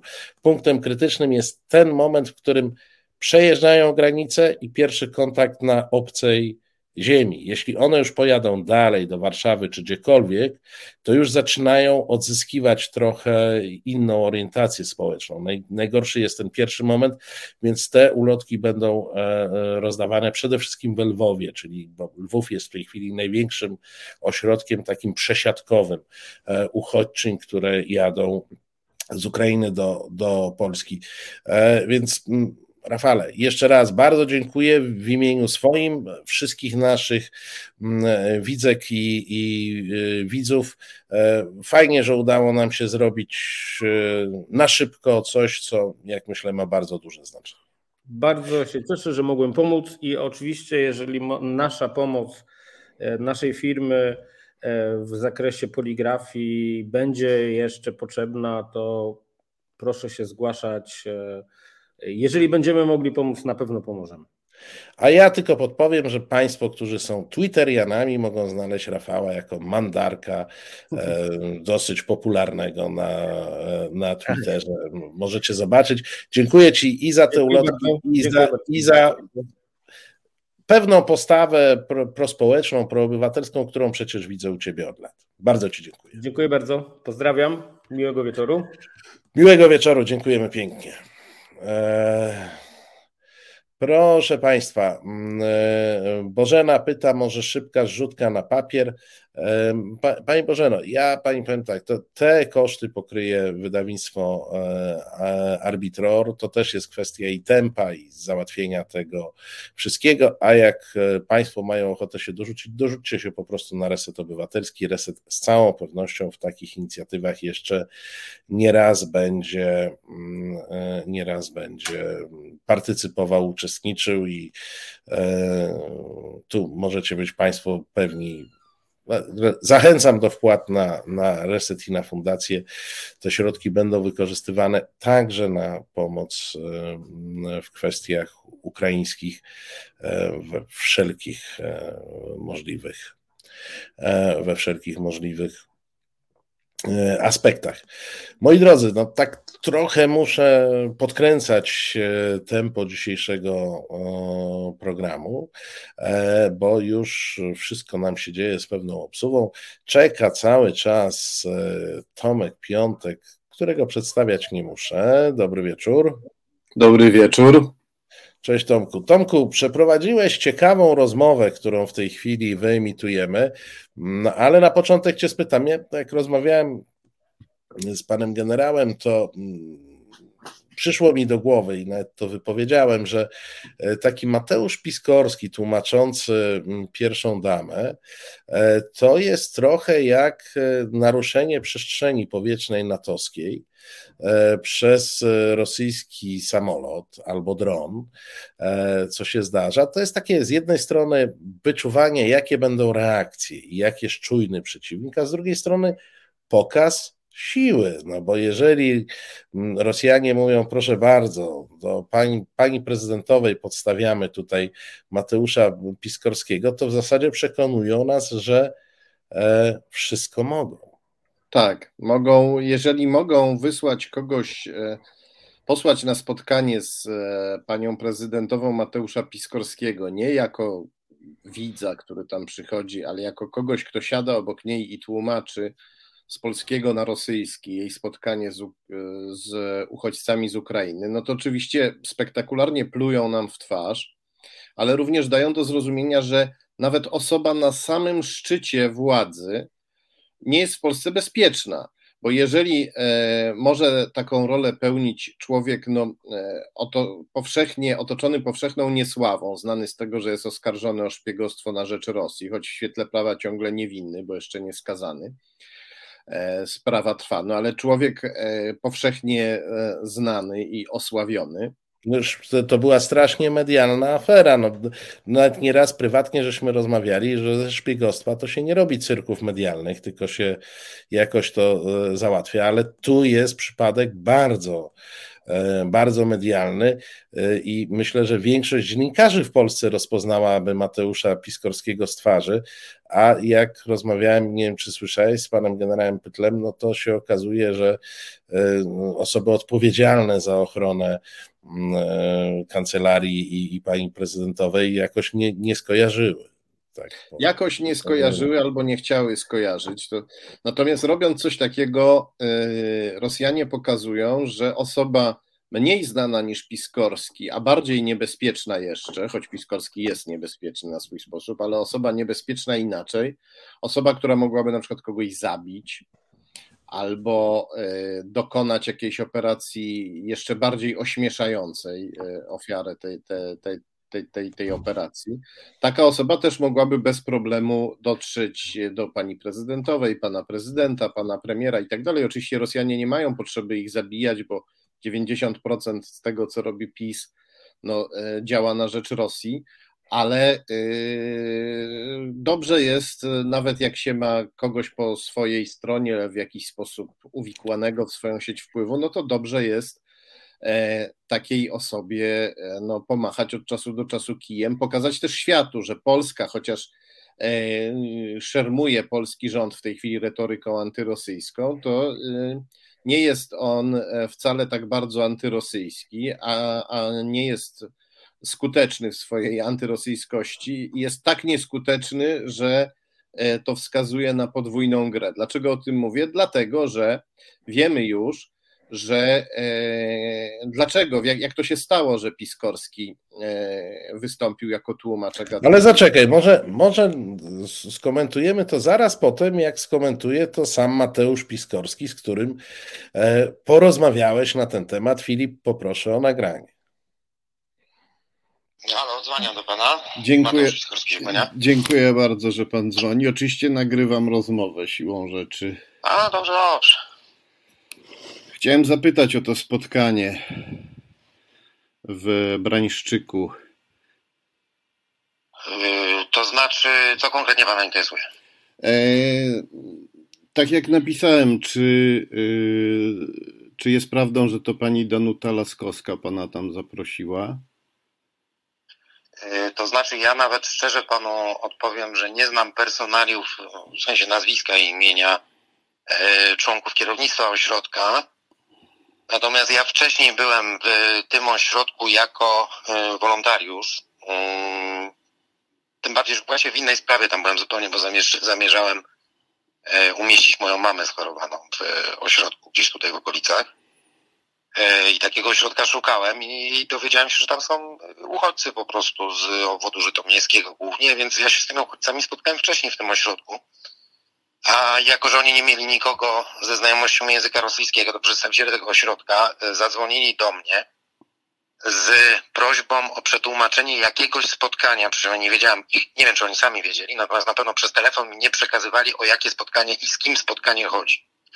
Więc ja byłem nieco zdziwiony, jak zobaczyłem panią prezydentową na tym, na tym e, spotkaniu, no ale że nie było już innego tłumacza, no to podjąłem się takiego tłumaczenia, raczej Sądziłem, że chodzi o jakichś e, dostojników kościelnych, no bo to jest ośrodek kościelny, ale okazało się, że jest to pani y, Duda. A czy ktoś z, z, ze służb, z kancelarii prezydenta, z jakiejś agencji ochrony, czy z agencji PR-owskiej w ogóle sprawdził pana personalia, zapytał o nazwisko?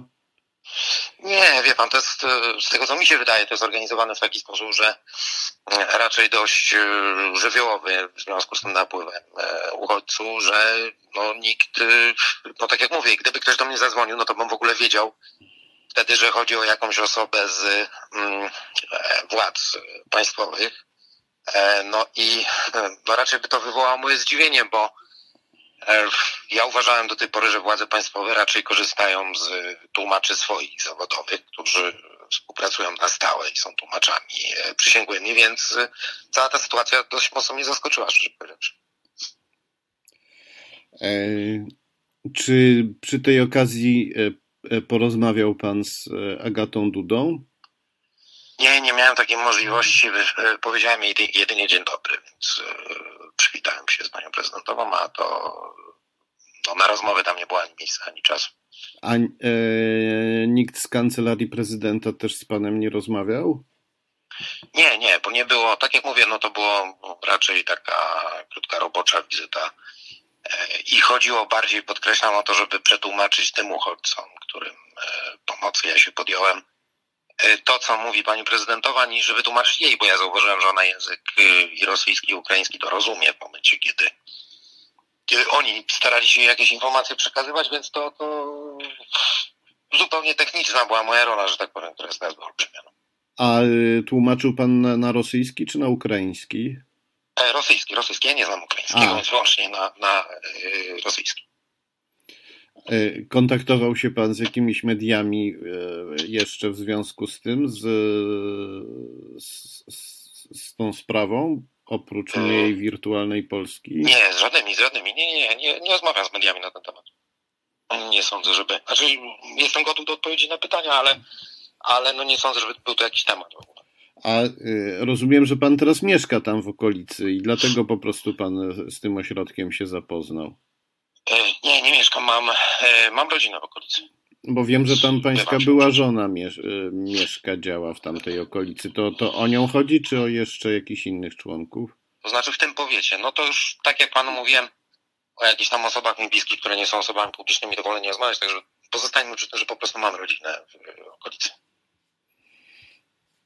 E, rozumiem. Czyli nikogo z tego ośrodka, ani z duchownych, ani dyrektorki pan nie zna osobiście? Kompletnie. Ja się od, od, ja się od pana teraz dowiedziałem, jak się nazywa ta dyrektorka. Rozumiem. Wcześniej, wcześniej w ogóle oni, znaczy no znam z twarzy oczywiście, bo, bo, bo tak jak mówiłem, e, dowiadywałem się tam o możliwość umieszczenia mojej matki e, już wcześniej, natomiast e, no, nawet nie znałem z nazwiska, prawda? Nic, nic mi nazwisko samo nie mówią. Rozumiem. Dziękuję bardzo. Dziękuję również, pozdrawiam. Pozdrawiam.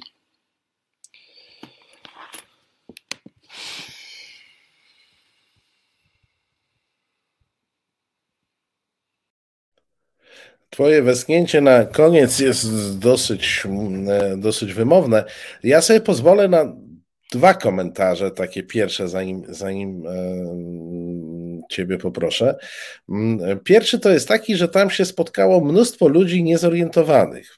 Pani Agata Duda nie wiedziała, gdzie jest i z kim rozmawia, pan Mateusz Piskorski nie wiedział, gdzie jest i kogo tłumaczy, i generalnie tam jakaś taka, takie grono niewiedzących się spotkało.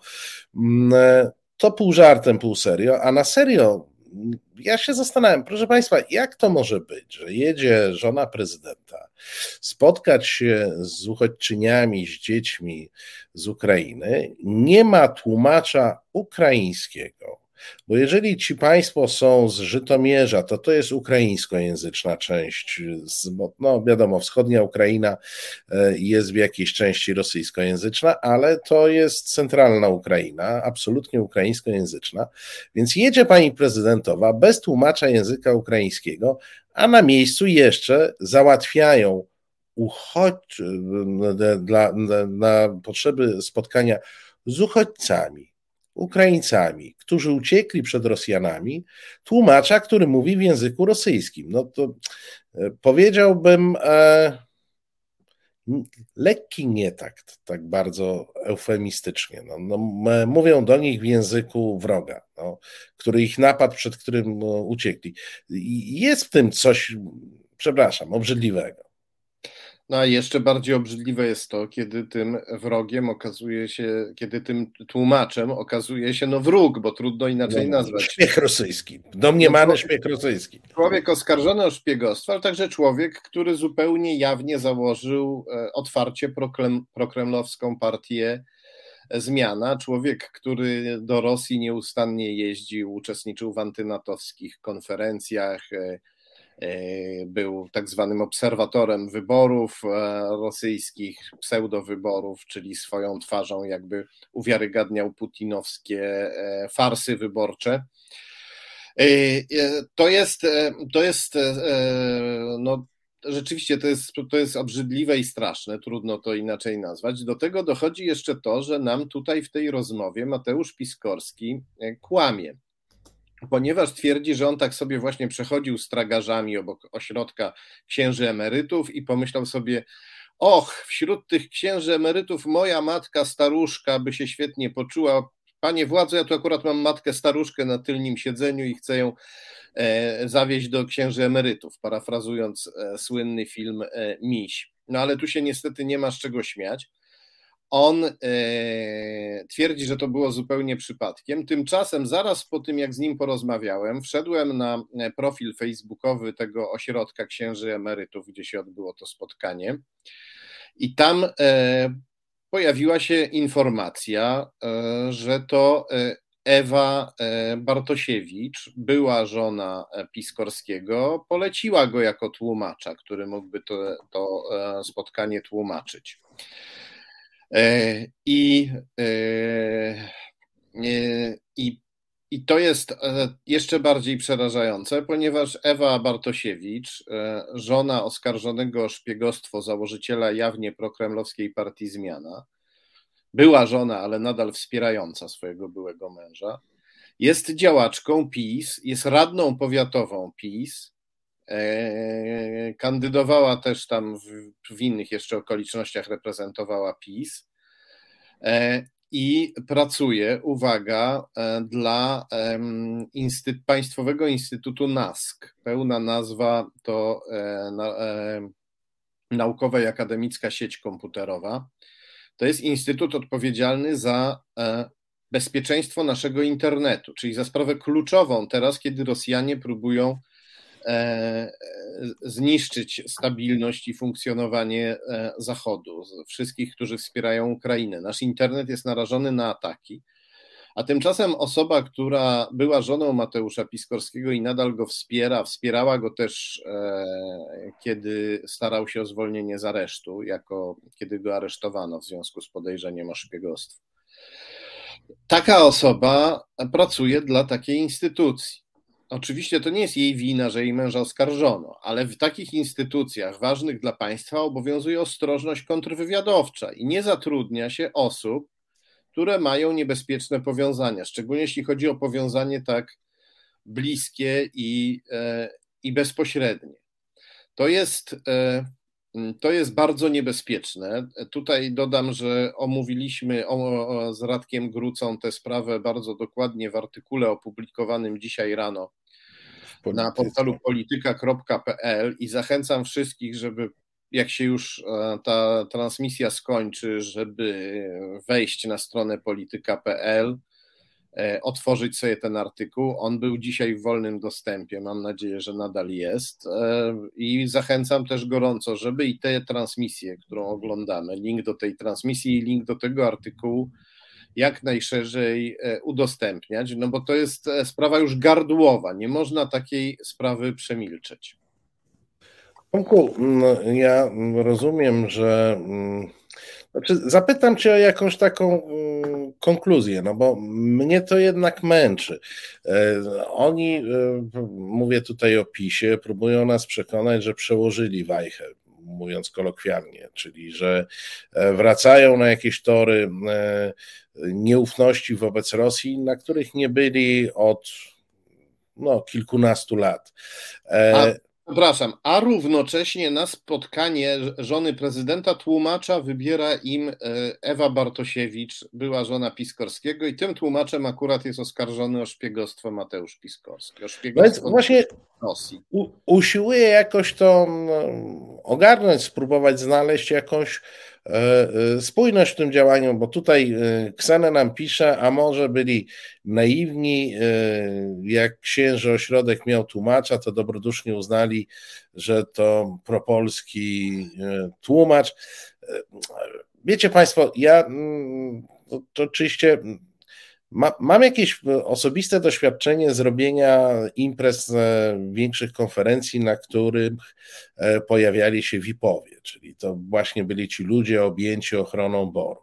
E, I powiem Państwu, że ja nie wiem, jak jest teraz, ale trzeba było przygotować listę osób, które z VIP-em, z takim obiektem będą miały kontakt i trzeba było być też przygotowanym, że taki oficer boru mówił, że pan X nie, i nawet nie bardzo można było pana mm, oficera boru pytać, ale dlaczego, bądź dyskutować, bo on po prostu mówił procedura bezpieczeństwa, kropka. Więc pytanie jest, czy w Polsce już nie ma tych procedur, e, czy tam organizator nie musiał podać listy osób, które będą miały kontakt e, z panią prezydentową, etc., etc. Ale odpowiedź jest bardzo prosta. Chodźmy sobie pod Sejm.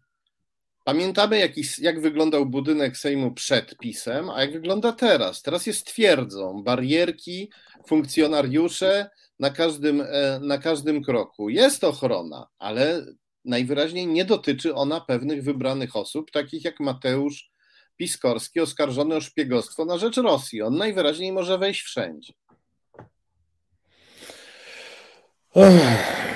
No nie, nie wiem, e, e, nie wiem co powiedzieć. Myślę, że ze strony Rosjan była to e, po prostu demonstracja, a jeżeli nawet przyjąć taką, tak, taką tezę, że był to jakiś nieprawdopodobny zbieg okoliczności, niedopatrzenie i tym podobne rzeczy,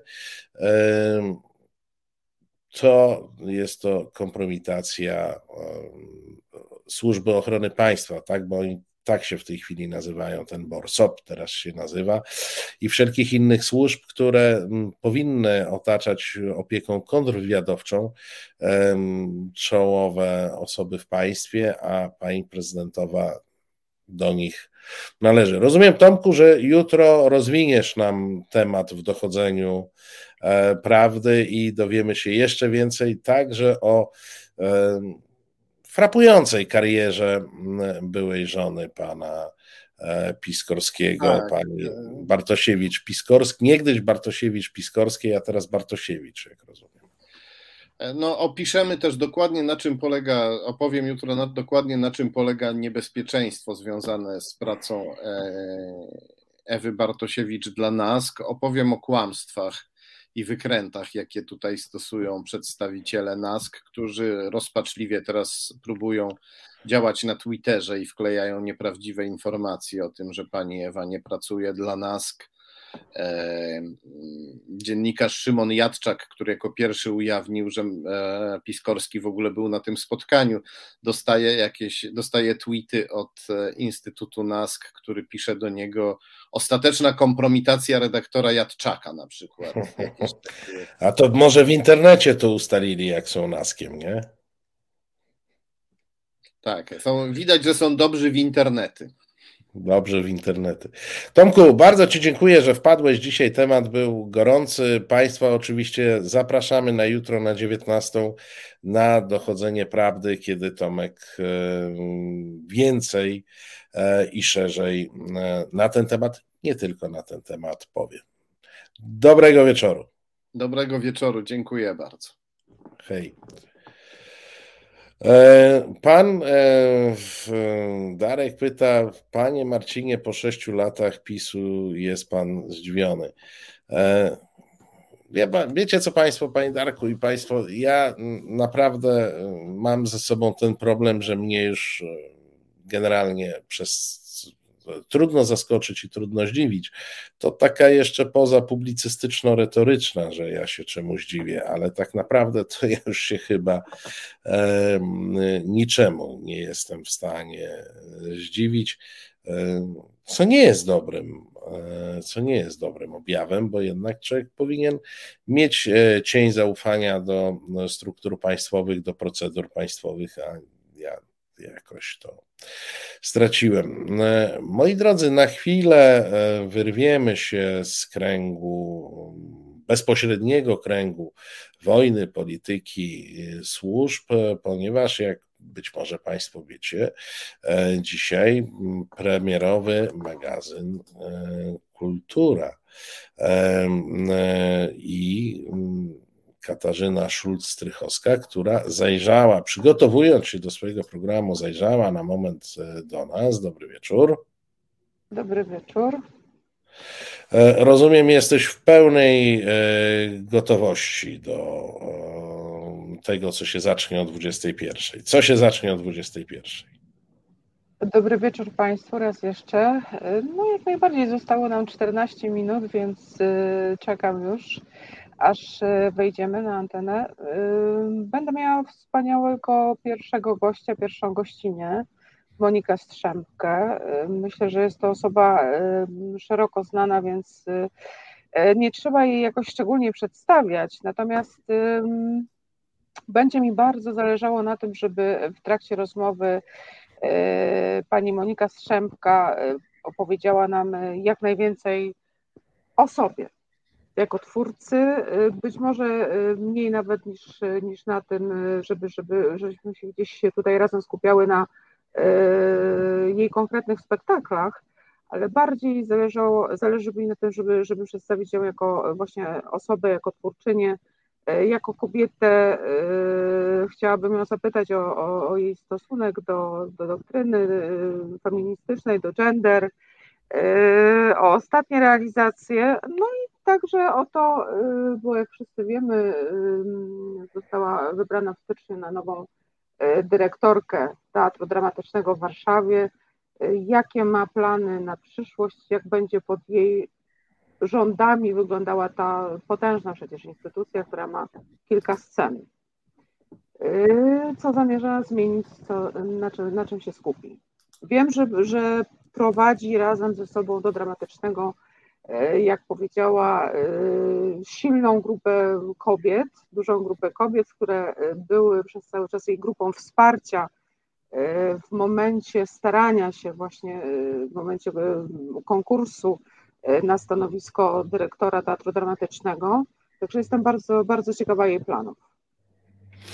Proszę Państwa, a te poznamy, mam nadzieję, w magazynie Kultura mm, już po 21. To jest nowy format. Katarzyna Szulc dzisiaj e, debiutuje e, w resecie mm, obywatelskim. Ja Państwa serdecznie zapraszam. Niedziela to jest dobry czas na e, kulturę. Zresztą na kulturę to chyba jest zawsze dobry czas. Sam się zapędziłem w jakąś pułapkę. Na kulturę zawsze powinien być czas, e, ale to jest dobry czas na taki oddech. E, żyjemy jednak wojną, żyjemy jednak mm, polityką. Czasami należałoby odetchnąć, dlatego zapraszam już o 21. Czeka na Was Katarzyna, Katarzyna Szulc i magazyn Kultura. Dziękuję Ci bardzo, no i trzymam bardzo kciuki. Dziękuję. Do zobaczenia. Do zobaczenia.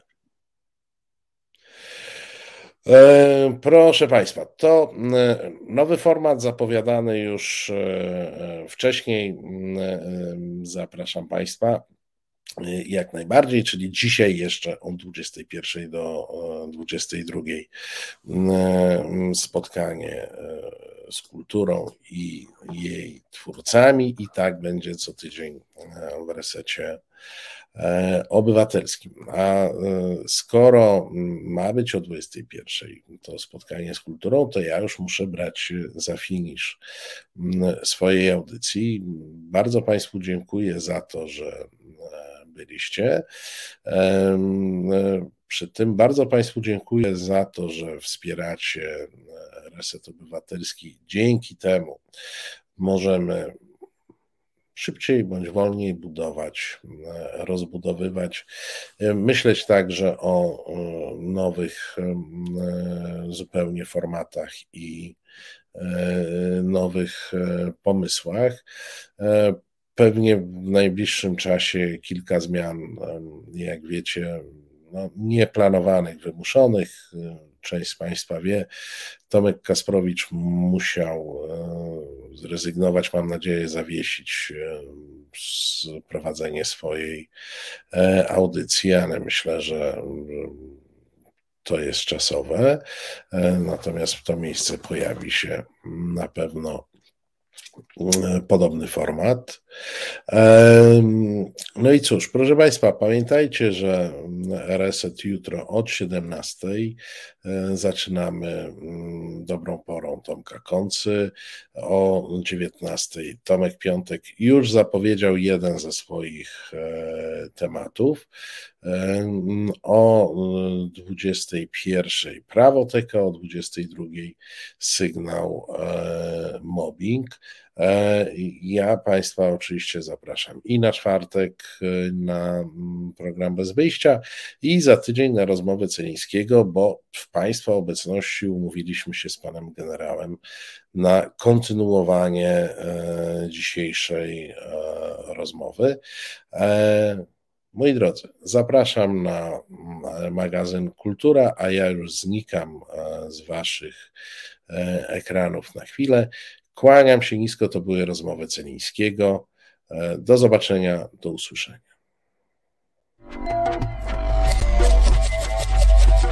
Reset Obywatelski.